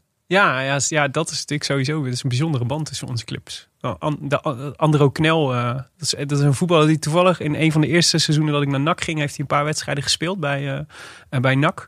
Een jongen die is omgekomen bij de SLM-ramp destijds. En dat was een heel groot talent. Die kwam van Sparta en die ging bij NAC voetballen. En die zag ik daar echt een paar fenomenale wedstrijden Mhm. spelen. En ook altijd in, in zijn loopje zag je al dat het gewoon een, een, een, mooie, een mooie, leuke, goed gemutste voetballer was. Je werd er altijd vrolijk van als je naar hem keek. Maar die is dus omgekomen bij de SLM-ramp. En sindsdien spelen Sp- NAC-supporters en Sparta-supporters altijd als het NAC-Sparta is om de andere knelbokaal. Heb jij wel gespeeld? Nee, nee, nooit gespeeld. Nou, als je, als Ja, de wel. organisators Nee, nee, ik ook luisteren. Ja. Nou, ja. ja. nee. Stel ja. mij niet op. Nee, maar ik nog een goede Sparta-spits hier naast ons zitten. Peter, ik weet niet of je dat met me eens bent, maar het zijn wel een soort van twee clubs die we te gast hebben, eh, eh, die bij de Eredivisie horen. Zeg maar, het, het, het zou, ja, in alle seizoenen horen ze er een Ja. beetje bij qua status. Ja, je zou, we hadden ook supporters van clubs kunnen uitnodigen waar gewoon echt een stuk minder over te vertellen is of zo. Weet je wel? Dat, Ja. dat ook je vader denkt, nou ga maar niet mee. Het zijn, het zijn, het- maar, maar daarin, in, en dat heel veel eh, gelijkenissen, patronen en vriendschappen, is er natuurlijk in de recente jaren wel een enorm verschil ontstaan door een bepaalde kant die NAC bijvoorbeeld is opgegaan. Ja. En ik, ik ben benieuwd, hoe sta je daar tegenover? Er is natuurlijk eh, eh, wat invloed van City gekomen. Ja, ja die is, dat is alweer eh, zo'n beetje voorbij, volgens Ja, mij. dus die, hoog, die hoogtijdagen. De Ja. Ja, ja, precies. Ja, en er zit, wel- je onthoudt natuurlijk alleen maar, zeg maar de jongens die het wel goed deden. Dus de Unals en de, en de Angelino's en zo. Ja. die, die, Marie, die is nu volgens mij Ja. omweg bij eh, Arsenal. ja, precies. Ja. Maar, die was, Ambrose was wel eh, soms, soms. maar die Marie bijvoorbeeld, die was gewoon, die was bij NAC echt nog, die, het eerste half jaar was hij echt beroerd. Ja. Dat is echt dat je echt dacht van, waarom hebben ze deze gast gehaald? Nou ja, nu speelt hij bij Arsenal, dus hij kennelijk kan hij wel wat. Maar ehm, nou ja dat, dat, ja, dat was Moet- eigenlijk een hele verdrietige periode. Want dat ging natuurlijk uiteindelijk, deden we dat eigenlijk alleen maar om te overleven. Ja. En dat is natuurlijk nooit een, eh, dat is, dat is natuurlijk nooit een goed. Dat is no- je hebt wel het gevoel, dit, is, dit gaat niet goed aflopen. Nee. En, eh, dus de, en dat is ook wel gebleken dat dat zo was. Maar wat was er aan de hand? Sorry, ik heb dit even gemist. Ja, eh, bestuurlijke chaos, tot- financiële problemen. ehm eh, club eh, meerdere malen op punt van omvallen. Omdat het allemaal niet meer, omdat het allemaal niet meer rechtgetrokken kon worden. Ook financieel niet. Eh, en dat zie je dan in de kwaliteit van de, van de spelersgroep. En dan wordt langzaam maar zeker wordt het minder en minder. En dan komt er weer een nieuwe voorzitter en een nieuw bestuur. En dan treedt dat weer af. En het is ja, bestuurlijke chaos. En daar zitten we nu al een jaar of... Maar de, maar de vraag in. is dan, eh, Jordi zegt, die, die horen bij de eredivisie. ja, dat, is, dat vind ik ook, ja. Ja, maar Meer, meer een beetje moet er. Er wordt altijd eh, ontzettend gespuugd op clubs die, eh, die openstaan voor veel verhu- verhuurspelers. Binnenkomende verhuurspelers. Mhm. Maar ja, als je dan net even wat anders kijkt dan andere clubs, dan heb je, stoor je daar misschien minder aan. Ja. Aan het feit van dat je zo. nee, ik, dat, ging het te hard, want het ging wel hard toen. Ja, op zich maakt het niet zoveel uit dat er dan huurlingen van Manchester City komen. Maar ik vind het wel jammer dat er dan weinig jongens zitten die gewoon uit Breda en omgeving komen. Ja. Want dat vind ik wel heel leuk. En je zag op een gegeven moment dat er gewoon, wij, dat er gewoon geen enkele jeugdspeler meer doorbrak. En dat is NAC staat sowieso al niet bekend omdat ze, dat ze zo'n fantastische jeugdopleiding hebben. Dus dan moet dat sowieso best wel. Maar op een gegeven moment, je wilt toch een soort van herkenbaarheid in die ploeg Ja. hebben.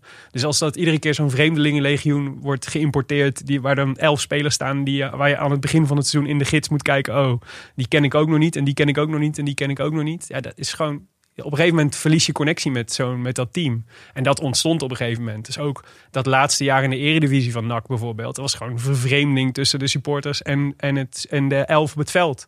Omdat gewoon niemand had iets met een van die gasten. Nee. Ze, de, ze waren niet, eh, bij NAC zeggen ze dan altijd, je moet een no-ad mentaliteit hebben. Nooit opgeven, altijd doorgaan. Advendo vinden ze minder belangrijk. Ja, ja. Dat, dat Advendo-deel wordt er altijd een beetje weggelaten. Maar de- dat, was, dat ontbreekt daar hele, ontbrak daar helemaal. En dan, ja, ja dus dat was heel gek om te zien. De supporters hadden eigenlijk niet zoveel meer met die jongens die op het veld stonden. En Ja. dat voel je dan natuurlijk ook wel. Ja. ja, dat is wel triest.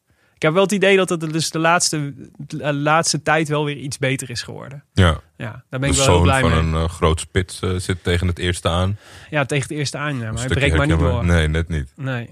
Sidney eh, van Hooijdonk. Ja. Wil ik toch even zeggen. Ik weet over wie het Ja, ja, keurig, keurig Peter. even, Keurig Peter. Huub Balla heeft ook niet zo gek veel vertrouwen in hem. Dus ik weet niet of het... eh, Hm. Ja. Maar zit dit, is dit bij Sparta, de herkenbaarheid? Sparta heeft natuurlijk inderdaad die jeugdopleiding die je al noemde. Is dat iets wat jij, wat jij belangrijk vindt? Dat, dat jongens, dat, dat, dat die club op die manier blijft? Ja, doorgaan. ja, dat vind ik echt super belangrijk. Want je traint uiteindelijk gewoon jongens die er echt zijn voor de club. Die daar willen blijven voetballen. En natuurlijk zit daar een soort stop op. Want een, een Dumfries wil niet zijn hele leven bij Sparta voetballen. Eh, dus die gaat weg. Maar dat zijn wel Dat echt jongens. ingelijks, denk ik. Ja, in, ja precies. nee, maar ehm, die hebben wel een hart voor de club, nog steeds. En er zijn veel meer jongens zo, die zo zijn. En eh, ik zie ze ook nog wel terugkomen of zo, weet je wat. En Sparta verdient er gewoon nog steeds geld aan. Ik heb volgens mij nog een keer een wedstrijd gezien dat Dumfries en eh, Floranus was Ja. toen de andere ja, back. klopt, ja. Toen ook nog een keer. En dat was toen tegen Vitesse. Maar dat was inderdaad dus die wedstrijd waarbij Op een of andere manier supporters het, op een gegeven moment hadden. Dit wordt hem niet. Nee, maar op, op een of andere dat lukt het meestal toch wel. eh, en ik, misschien zou Sparta daar wat brutaler in moeten worden voor de clubkast, zeg maar. Is dat subtoppers goed shoppen bij eh, Sparta. En dat de topclubs dan kijken van, nou oké, je hebt dat stapje gemaakt, nu weer een stapje gemaakt. En nu is het tijd voor ons. Want meestal, als ze dan rechtstreeks komen vanuit de subtop, dan willen het toch, toch niet zo bij de topclubs. Dat eerste, dat eerste stapje, maar ja, daar zit gewoon niet zoveel geld in. Als je eerst Dumfries naar, eh naar Heerenveen moet sturen en dat hij daarna naar PSV gaat. Ja, dat is Mhm. voor de clubkast niet het beste, maar vaak voor de speler eh, wel. Mhm. Ik zit even te denken. Ja, We vroegen nu eh, bijvoorbeeld vroegen we aan, aan Willem en Maaike vroegen we van wat, wat, wat is het dan wat jij doet? Waar, weet je wel, waarom, waarom kan je voor een club zijn die, die, die niet altijd wint? Wat zegt dat over je?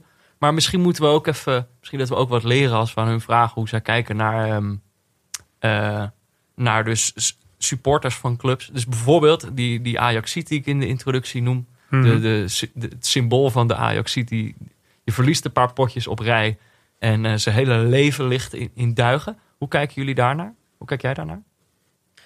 Ja, eh, hoe ik naar kijk. Ja, ik vind vooral bij grote clubs, en Feyenoord heeft er ook wel een handje van.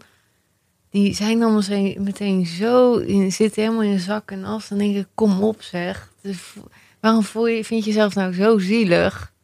Zelfmedelijden, ja, ik weet zeg niet. Ja, jij. er zit veel, veel te veel zelfmedelijden. Ik zag Jordi laatste filmpje. eh, Ik denk dat jij het retweette.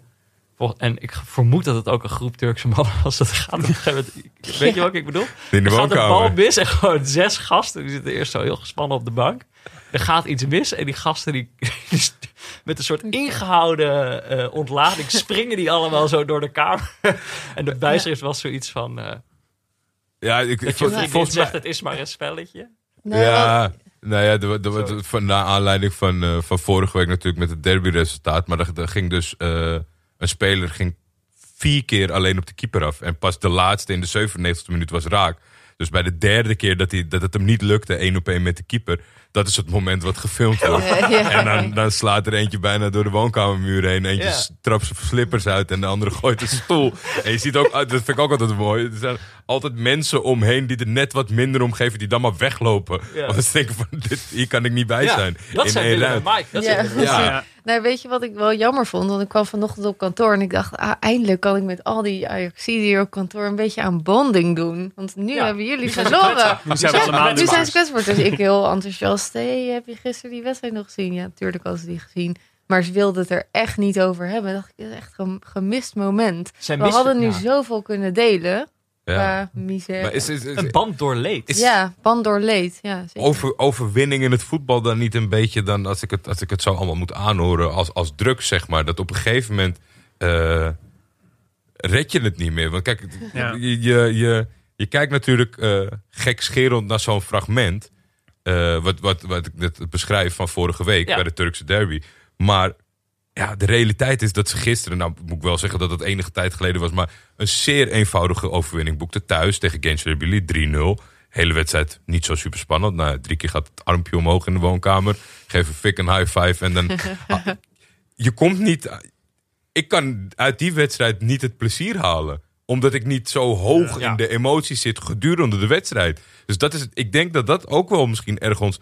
Dat, je gaat steeds op zoek naar meer, steeds op zoek naar eh, moeilijker, moeilijkere graad. En Ja, maar dat is denk ik, dat is waar ik een beetje mee begon, toch? Ik denk dat jij dat met Gala ook wel hebt. Dat je je mentaal beeld, mentale beeld van die club is gewoon de, de beste club van Turkije en een Europese grootmacht. ja, Dus alles wat daar niet aan voldoet, zeg maar, alle resultaten of alle wedstrijden die daar niet bij passen, die zijn per definitie, die kunnen alleen maar soort, daar kun je alleen maar je schouders over ophalen. ja. En dat is natuurlijk een, dat is natuurlijk een heel naar beginpunt van, van supporter zijn. Want dan word je dus veel vaker teleurgesteld. En Ja. diep teleurgesteld, omdat die club niet aan je ideaalbeeld voldoet. Dan wij, die een veel minder beeld hebben van. Nee, het, het is ook volgens mij aan Ja. andere, andere clubsupporters niet uit te leggen dat je op een gegeven moment snakte naar een tweede plaats of zo met goed voetbal. Of in ieder geval dat, Nee. dat Frank de Boer maar ver- zou vertrekken bij Ajax. Omdat er Ja. de, de, de Vier norm super was. saai kampioen. Ja, en dat is gewoon. En dan denk ik, ja, vier kampioen, je bent, toch- waarom zou je dat ooit willen inruilen? Maar Ja. dat, dat, dat stopt dan op een gegeven moment, daar kan je geen plezier meer uithalen. Nee. Ondanks dat je het ho- hoogste haalbare behaalt binnen de competitie waarin ze aan deelnemen. Ja, Ja, het, wat, het is een gek mechanisme. Wat zou jij willen zeggen tegen de, tegen, tegen de sippende, tegen de mokkende Ajax-supporter die nu zit te luisteren, Willem? Stel je niet zo aan, Ja. sowieso. Ik zal Ja. nog even een spandoek ontrollen. Ja. Maar uh, nou, ik voel ook wel mede... Want je, je kunt er ook niet zoveel aan doen om, om Ajaxie te zijn. Of om Ajax supporter. te- Dat, is ook, dat ben je vaak ook gewoon door geboorte. Net zoals eh, Feyenoord is eigenlijk nog vreselijker. Dus dat lijkt me... Dus ik zit vaak te denken, wat lijkt me nou de ergste club om zeg maar geboren fan van te zijn? Dat lijkt me Feyenoord. Want Feyenoord zit het verst af van eh, het mentale beeld van wat supporters hebben van die club in hun hoofd. Ja, dus alleen En, maar en de teleurstelling. daadwerkelijke prestatie. Ja, is alleen maar teleurstelling. Teleurstelling op teleurstelling. Dus jouw tip is eigenlijk, word geboren In Breda. In, de- in, zeg nog net. Dat kan ook nog Dan net. in het ja. Opel kadetje mee naar de... Ja. Hm. Oké, dan misschien een laatste dilemma om je Hmm. voor te leggen.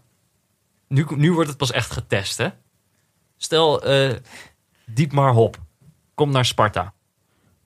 En die, eh, een, een rijke zakenman die, die, die zegt, ik stop hier mijn geld in. En ik ga deze club eh, terugbrengen naar de tijd van, eh, wat is het, de jaren 60, jaren 50. Landskampioen. Eh, we gaan weer Europees voetbal eh, spelen. Ehm, wat, eh, wat zou jij zeggen? Dus rol jij je spandoek uit? Dat is de vraag Mm. eigenlijk. En wat staat erop dan? Ja. Ja, wat staat er op dat span? Dat is Kom maar. belangrijker. Ja, kom maar. Nee, nee, ik zou dat niet toelaten. Nee. Sparta heeft zoveel jaren in de shit gezeten. En nu zijn ze eindelijk op een plek waar het stabiel is. Met, eh, de club is in handen van de club. Niet van een of andere investeerder. Dus dan moet je houden. En blijf investeren in de jeugdopleiding. En eh, het komt wel goed. En ik, ik ben nog altijd veel liever een stabiele middenmotorclub die het op eigen benen kan redden dan eh, een, een Manchester City of een. eh, Ja. Manchester Ja. City is wel een goede dat je noemt. Ik zag, ze hebben natuurlijk de League Cup gewonnen dit weekend. Ja. En eh, toen was er weer een filmpje dat, ze, dat de selectie was eh Wonderwall Feesten. aan het zingen. Hm? Maar ze aan het feesten, ja. Ja, ze waren aan het feesten. Best wel, nou ja, Benjamin Mendy was aan het feesten. Eh, en, en er was ook eh, een van de Gallagher-broers. Joh, ik kan ze niet uit elkaar. Een van die twee. Ze waren dus Wonderwall aan het zingen. En werd die Gallagher-broer werd erbij gesleept. Maar die is natuurlijk ook fan van die club geweest in de tijd dat, gewoon, dat ze gewoon niks wonnen. Dat het dus Ja. gewoon een saai. Maar dat ik inderdaad ook proefde bij hem ook een beetje een soort ver- verweestheid. Van ja, dan staan hier opeens gasten met... Die, die veel meer verdienen dan dat zo'n, zelfs zo'n Gallagher misschien wel zijn hele leven gedaan heeft. ja. En het is En win je in een half leeg stadion van Aston Villa. De League Cup. voor de derde keer op rij Ja. of zo. Maar dat inderdaad die Die je zelf een soort van gedevalueerd hebt ook. Want dat is ook een beetje het probleem van die topclubs. Ze devalueren eigenlijk alles een beetje waar ze aan deelnemen.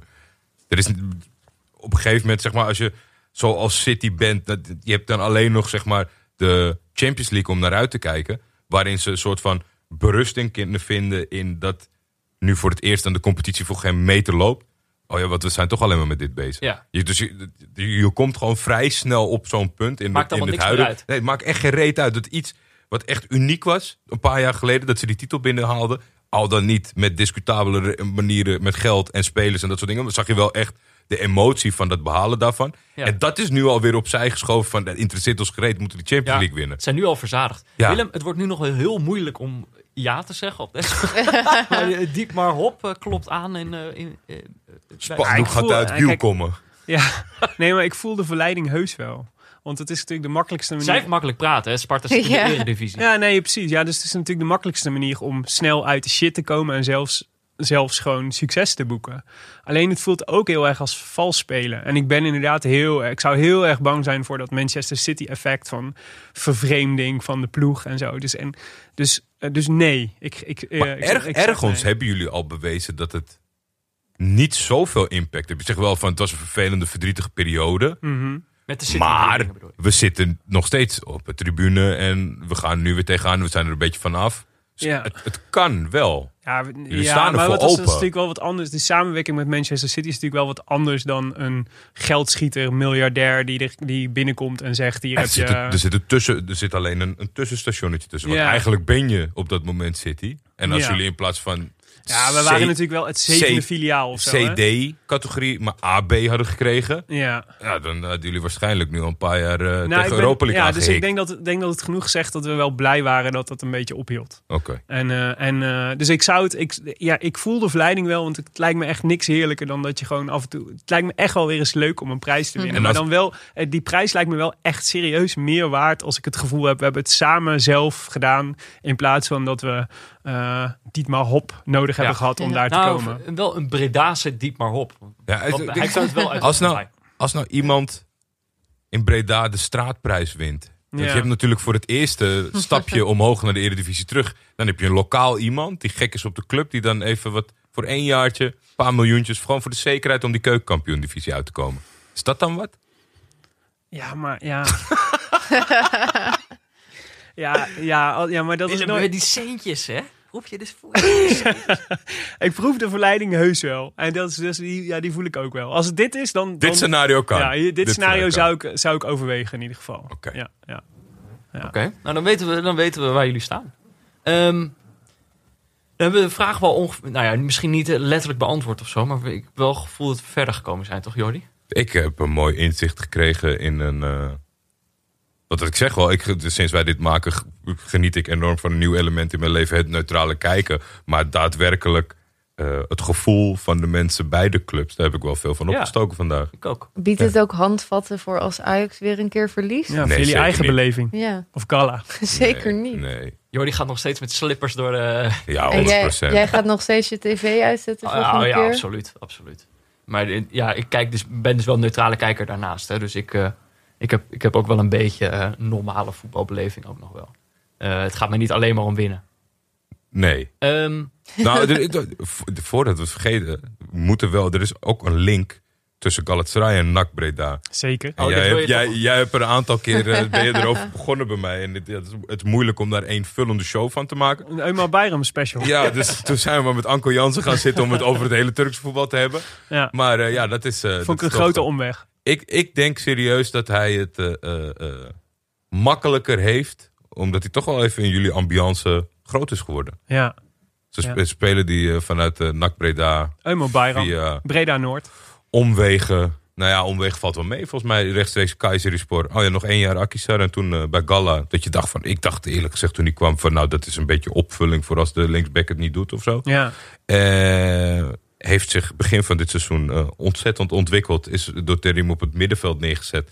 En blijkt nu een assistmachine. ja. Speelt elke week Meeste 90 assists, minuten. toch, en Van eh, de ja, hele koploper Turkse- van de hele Turkse competitie. Ja, Ja, vind ik te gek. dus dat is Daar word ik echt heel blij van. Oh, dus al nu twee weken op rij dat je een, eh, een assist van Bayram op Henk Donk hebt. In de, dat is dan Ja, mooi. bij Galatasaray. Maar we hebben nog Gudeli natuurlijk bij Sevilla. Ja, ja, ja. dus we ja, hebben overal ja. wel onze tentakels inmiddels. Nu we toch met name aan het strooien zijn. Wat is, wat is nou een speler waardoor jij heel trots bent op, eh, op NAC? Wat is een beetje de Eumar Bayram? Of, of Sparta. Of Spar- Of, sorry, sorry. Eh, Sparta, nee, ja. trots op NAC. Ja, trots op dat. Nee, ik wilde net aan jou vragen. Zijn er eh, grote spelers in de, in de NAC clubhistorie waar iedereen over, waar het iedereen het over heeft? Mm, nou ja, het stadion is vernoemd naar Rad Mhm. Dat is een beetje onze Bok de Korver, zeg maar, wat van Sparta, eh, van Sparta is. Rad Verleg is, eh, is, eh, was de, de, de spits van het kampioensteam. We zijn namelijk een keer kampioen van Nederland geworden in 1921. Ja. En toen was eh Rad Verleg de spits. Dus dat is wel de, de, die all-time legend. Je hebt nog Gerard de Haan. Dat is een uh, spijker, spijkerharde, spijkerharde verleg, bok de, bok de. Ja. Ja. Ja. Gerard de Haan was echt een spijker, spijkerharde verdediger die, eh, die echt, altijd, echt de meeste rode kaarten ooit De in cult van jullie, hè? Volgens Ja, de mij. Short Moussou uh, Ik had vroeger een, eh, geregeld. eh, Ja, zeker. laat Die hij heeft die vallen. Ja, hij heeft volgens mij zelfs ook een boek over geschreven. Oh nee, eh Dielke Winia heeft er een boek over geschreven. Van De Wereld Draait Door. Over de biografie van Gerard de Haan. Zeer aan te bevelen. Hij heeft nu een frietzaak in... uit de lucht vallen voor mij. Hij heeft nu een frietzaak in Beneden Leeuwen. Maar, ehm, eh, maar ik had dus vroeger, toen ik net supporter was van NAC, had ik dus ook een pet waar ik zelf, Gerard de Haan had lange blonde manen, Blonde. waar ik zelf met wol draadjes aan had hangen. Zodat een soort alternatieve witte gullet pruik werd, zeg maar. Die, Ja. ja. ja, dat was, dat, dat was Gerard de En er- jullie? Eh, ja, eh, nou, er zijn wat meer Wijnaldum. recente. Kijk je Ja, naar Wijnaldum ja, inderdaad. ja. Ja. en ook bij Memphis Depay denk ik dat wel. Oh, ja. En, eh, en wat, wat eerder was dan Danny Koevermans bijvoorbeeld. En, eh, Ja. ja. Ah, maar dat is natuurlijk ook wel zo. Dus je blijft altijd dat soort jongens. Dus Bayram ook. Ja. Het is niet voor niks dat ik vaak naar hem vraag bij jou. Zeg Ja. Dus je blijft altijd wel ook soort van verbondenheid voelen met die... Want je weet wel, het is Ja. voor de echte goeie is het een eindstation niet. Dus we hebben nu weer een paar jongens rondlopen waarvan je weet... Ah, die gaan wel doorgroeien en zo. En dat blijft dan toch altijd een beetje van nak. Dus dan kun je ook toch een beetje mee juichen voor Gala of voor Sevilla. Of Ja. voor... En is er eentje die, waarvoor je nu naar het stadion komt bij NAC? Ja, het, Vind ik ook een goeie.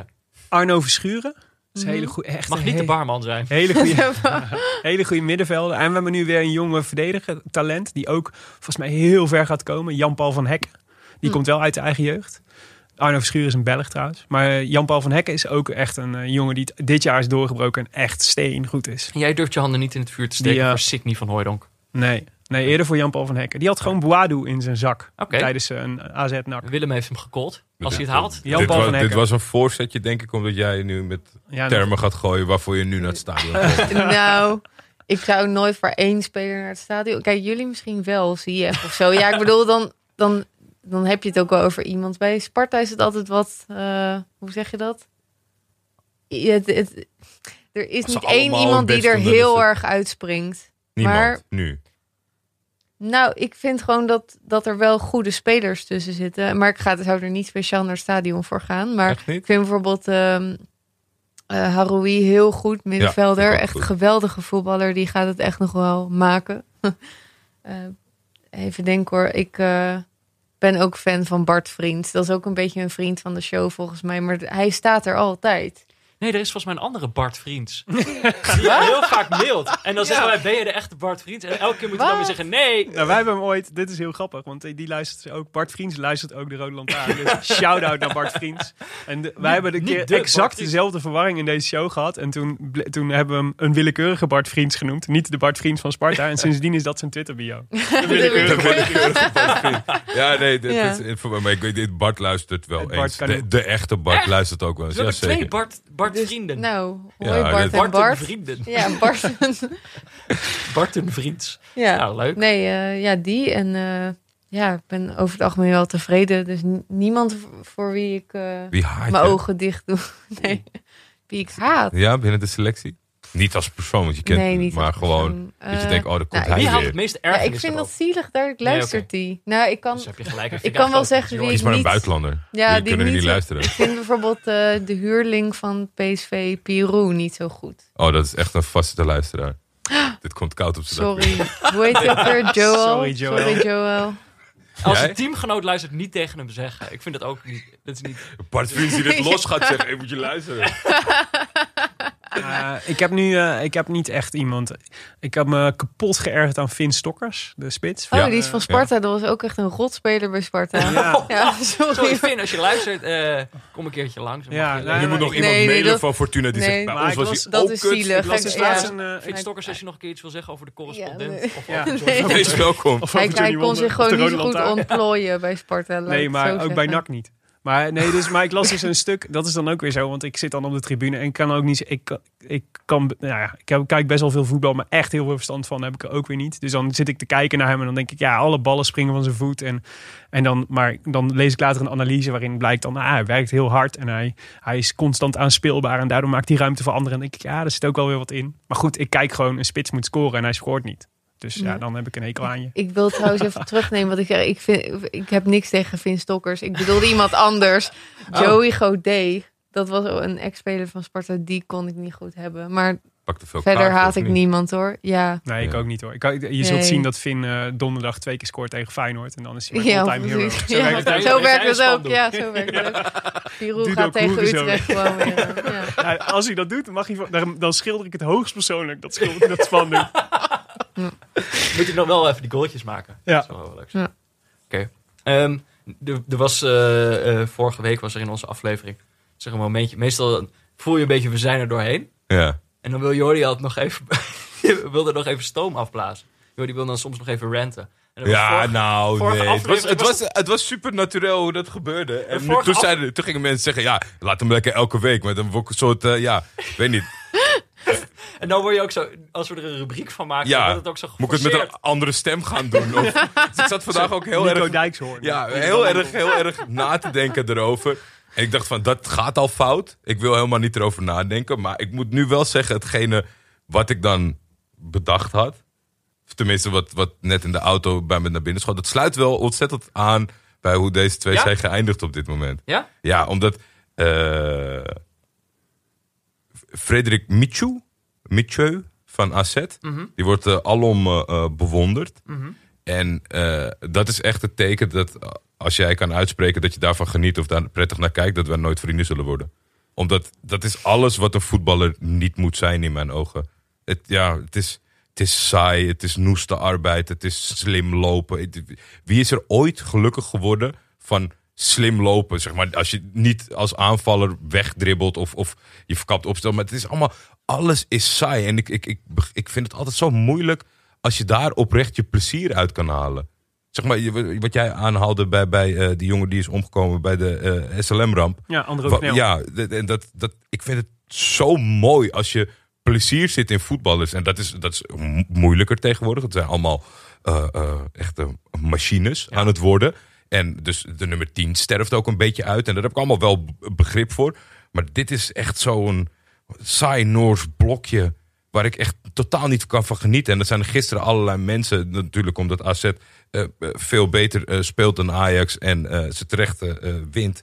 En dat, dat, is, dat is dan niet koppelbaar aan niet seksies, maar aan Frederik Mitchell. En dat vind ik echt... Tagliafico ging op hem staan, toch? Nee, dat was Svensson. Oh, oké. ook, Svensson ging op hem staan. maar het is ook een hele, hele rare reflex was dat van alle mensen die niet voor Ajax zijn. Om daarover te vallen. En wil je dan nu wat zeggen over Getafe? Wat heeft ermee te maken? Ik heb niemand die voor Ajax is zien lezen dat Tagliafico niet rood had moeten krijgen. Op dat moment en vier, vijf wedstrijden geschorst had moeten zijn. Het is een belachelijke actie. En blijkbaar werkt de VAR.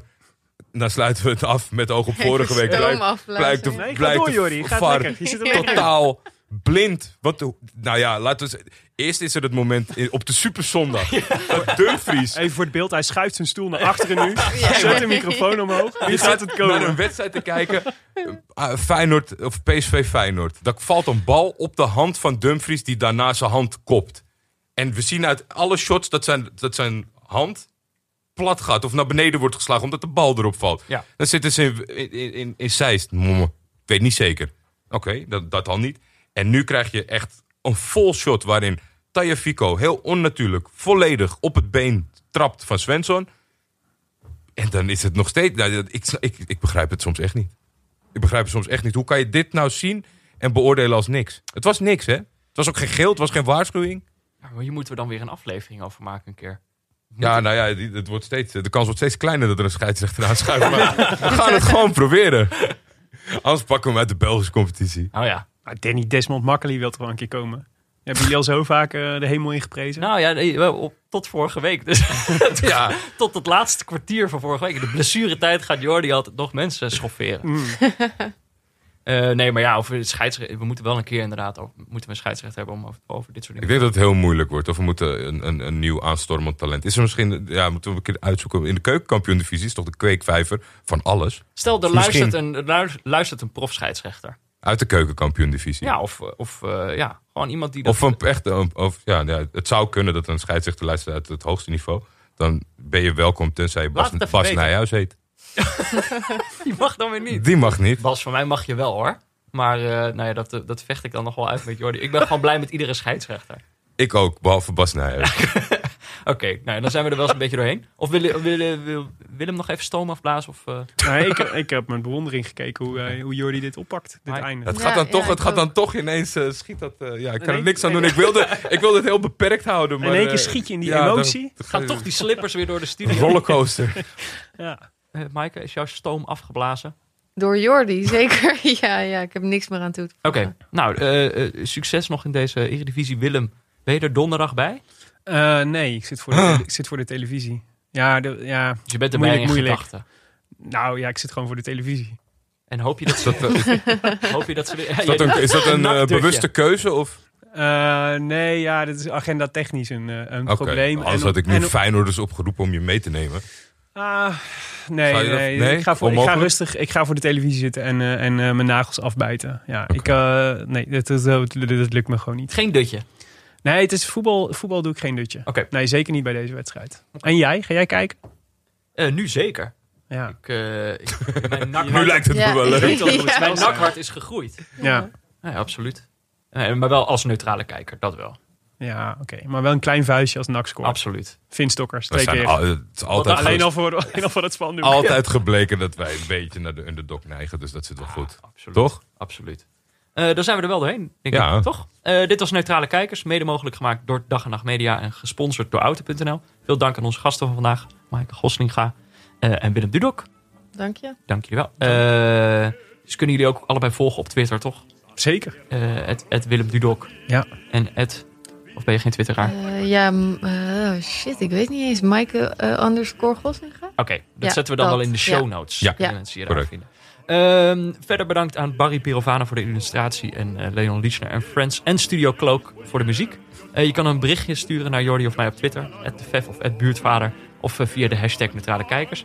Je kan ook mailen naar neutralekijkers.gmail.com. Vorige week hadden we een prijs verloot, die heeft gemaild. Die heeft mij ook nog persoonlijk een berichtje gestuurd. Echt waar? Dus de, Het is goed dat hij dat heeft gedaan, want ik Ja, nee, zit hij niet stuurde- helemaal meer in mijn systeem. Hij stuurde al een berichtje, hebben jullie mijn mailtje wel gelezen? Toen dacht ik, eh, n- nee. Ik vind het heel belangrijk. Ik wil van jou weten wat eh, het tijdsbestek is wat tussen dat berichtje en het mailtje zit. Oh ja, kan ik Dat hij een beetje gaat eh, aandringen, dan eh, gaan we misschien helemaal niet verloten. Maar, eh, nee, jawel. nee, jawel. Dus die, die, die heeft eh, de voetbalmanager gewonnen. En dat komt eraan. En jullie verloten deze week niet. Nee. Dit is een... o- Nee, geen auto of zo. Wat wil jij ja, we dachten... Ja, ja, ik kan wel iets verloten. Dat iemand met mij een keer meegaat naar Sparta. Oh, Oh. nu krijg ik allemaal weirdo's natuurlijk. Ja, Nee, laat Ja, maar, laat maar. Weirdo's. Ga maar naar NAC. Ja, je mag met Willem mee naar... Ineens zie je een piek in de Google hits van Michael Gossen. Oké. Eh, wat je verder nog kan doen is een recensie achterlaten in de podcast-app. Eh, we zijn nog steeds eh, bijna. Zeker. Eh, nou, we zijn er heel snel alweer. Eh, tot dan, Jordi. Tot dan, Peter.